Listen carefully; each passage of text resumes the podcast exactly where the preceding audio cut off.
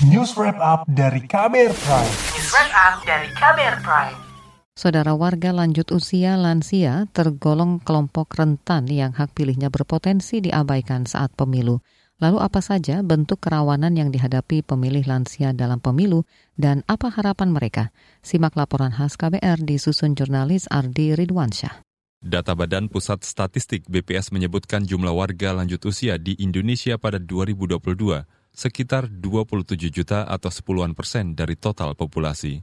Lansia adalah mereka yang berusia di atas 60 tahun. Dalam konteks pemilu, lansia masuk kelompok rentan yang hak pilihnya berpotensi diabaikan. Badan Pengawas Pemilu Bawaslu bakal mengawasi jalannya pemilu 2024 agar berjalan inklusif termasuk memberi kemudahan akses bagi pemilih lansia. Ketua Bawaslu Pusat Rahmat Bagja mengeklaim telah melakukan beberapa cara guna mengawasi agar hak pilih kelompok rentan termasuk lansia bisa terpenuhi. Upaya itu antara lain dengan meluncurkan posko kawal hak pilih. Sehingga kami harapkan ke depan tidak ada lagi teman-teman kelompok rentan yang tidak mendapatkan akses. Akses terhadap pemilu merupakan sebuah sebuah pelaksanaan dari prinsip pemilu di Indonesia langsung umum bebas dan rahasia dan tentu jujur dan adil. Apa yang dikhawatirkan Bawaslu dialami Tasuro, lansia berusia 65 tahun asal Jakarta Timur. Ia menjelaskan sejumlah masalah yang kerap dihadapi pemilih lanjut usia saat akan menggunakan hak pilihnya. Salah satunya ketika melipat surat suara. Terlebih dalam pemilu tahun ini ada lima pemilihan mulai dari presiden, wakil presiden, anggota DPR, DPD, DPRD provinsi, dan DPRD kabupaten kota. Total ada lima surat suara. Karena itu, Tasuro meminta ada petugas pendamping supaya bisa melewati tahapan pemungutan suara. Nggak bisa ngelipat kertasnya,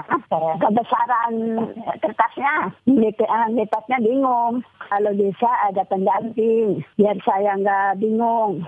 Emang saya nggak bisa baca, saya bingung memilihnya. Tak hanya di Jakarta, sebagian lansia di Rembang, Jawa Tengah juga menyoroti besarnya surat suara pemilu 2024. Dari lima jenis surat suara, ukuran terbesar adalah DPR RI, provinsi, dan kabupaten yang mencapai 52 kali 82 cm. Misri, seorang warga desa Pamotan Rembang menjelaskan apa yang ia alami saat mengikuti simulasi pencoblosan. Ternyata kesulitan tadi itu. Kenapa Bu? Terlalu lebar? Terlalu lebar, banyak lebar jadinya kita itu mengelipet itu susah. Jadi ya butuh waktu agak lama ya? Iya, agak lama juga. Komisioner Komnas HAM Anis Hidayah menjelaskan sejumlah potensi kerawanan yang dihadapi pemilih lansia pada pemilu.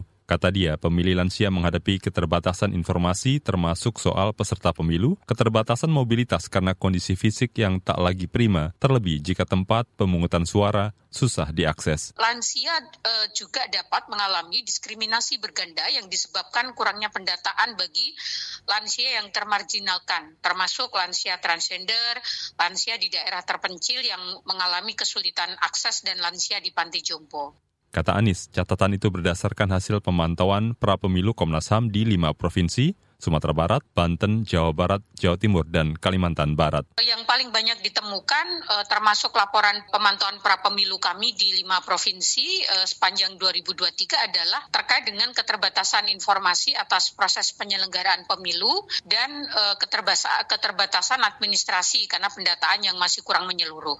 Dan yang ketiga kurangnya pemahaman lansia atas hak-haknya gitu. Anies menambahkan soal pemilih lansia yang kesulitan melipat surat suara. Menurutnya, itu tergolong karena keterbatasan informasi atas proses penyelenggaraan pemilu. Bahkan, kata Anies, pemilih lansia buta huruf rentan terkena diskriminasi ganda. Diskriminasi ganda terjadi ketika seseorang didiskriminasi atas satu alasan dalam situasi tertentu dan atas dasar yang berbeda dalam konteks lain bagaimana mereka bisa memahami peserta pemilu, bagaimana bisa memahami teknikal-teknikal yang terkait dengan pemilu, itu kan perlu pendekatan yang berbeda. Jadi afirmasi tadi untuk sosialisasi uh, kepada mereka, terutama kan uh, di kertas pemilu itu uh, setidaknya ada gambar ya. Nah, sehingga itu yang uh, perlu dijelaskan gitu ya, sehingga potensi uh, diskriminasi berganda itu bisa diminimalisasi gitu atau bisa diantisipasi oleh penyelenggara pemilu. Sebelumnya, Komisi Bidang Pemilu DPR meminta Komisi Pemilihan Umum KPU memerhatikan hak 17 kelompok rentan termasuk lansia di pemilu 2024. Anggota Komisi Pemilu DPR Mardani Alisera mengatakan seluruh masyarakat Indonesia memiliki hak dan kewajiban yang sama pada pemilu. warga negara dilindungi konstitusi haknya untuk ikut pemilu. Karena itu KPU perlu benar-benar memperhatikan 17 kelompok rentan ini tentu dengan asas uh, keterbukaan, transparansi, dan akuntabilitas. Anggota Komisi Pemilu DPR Mardani Alisera mendorong KPU untuk meningkatkan pengawasan terhadap 17 kelompok rentan yang tersebar di berbagai wilayah. Demikian laporan khas KBR saya, Sindu Darmawan. Kamu baru saja mendengarkan news wrap up dari KBR Prime. Dengarkan terus kbrprime.id, podcast for curious minds.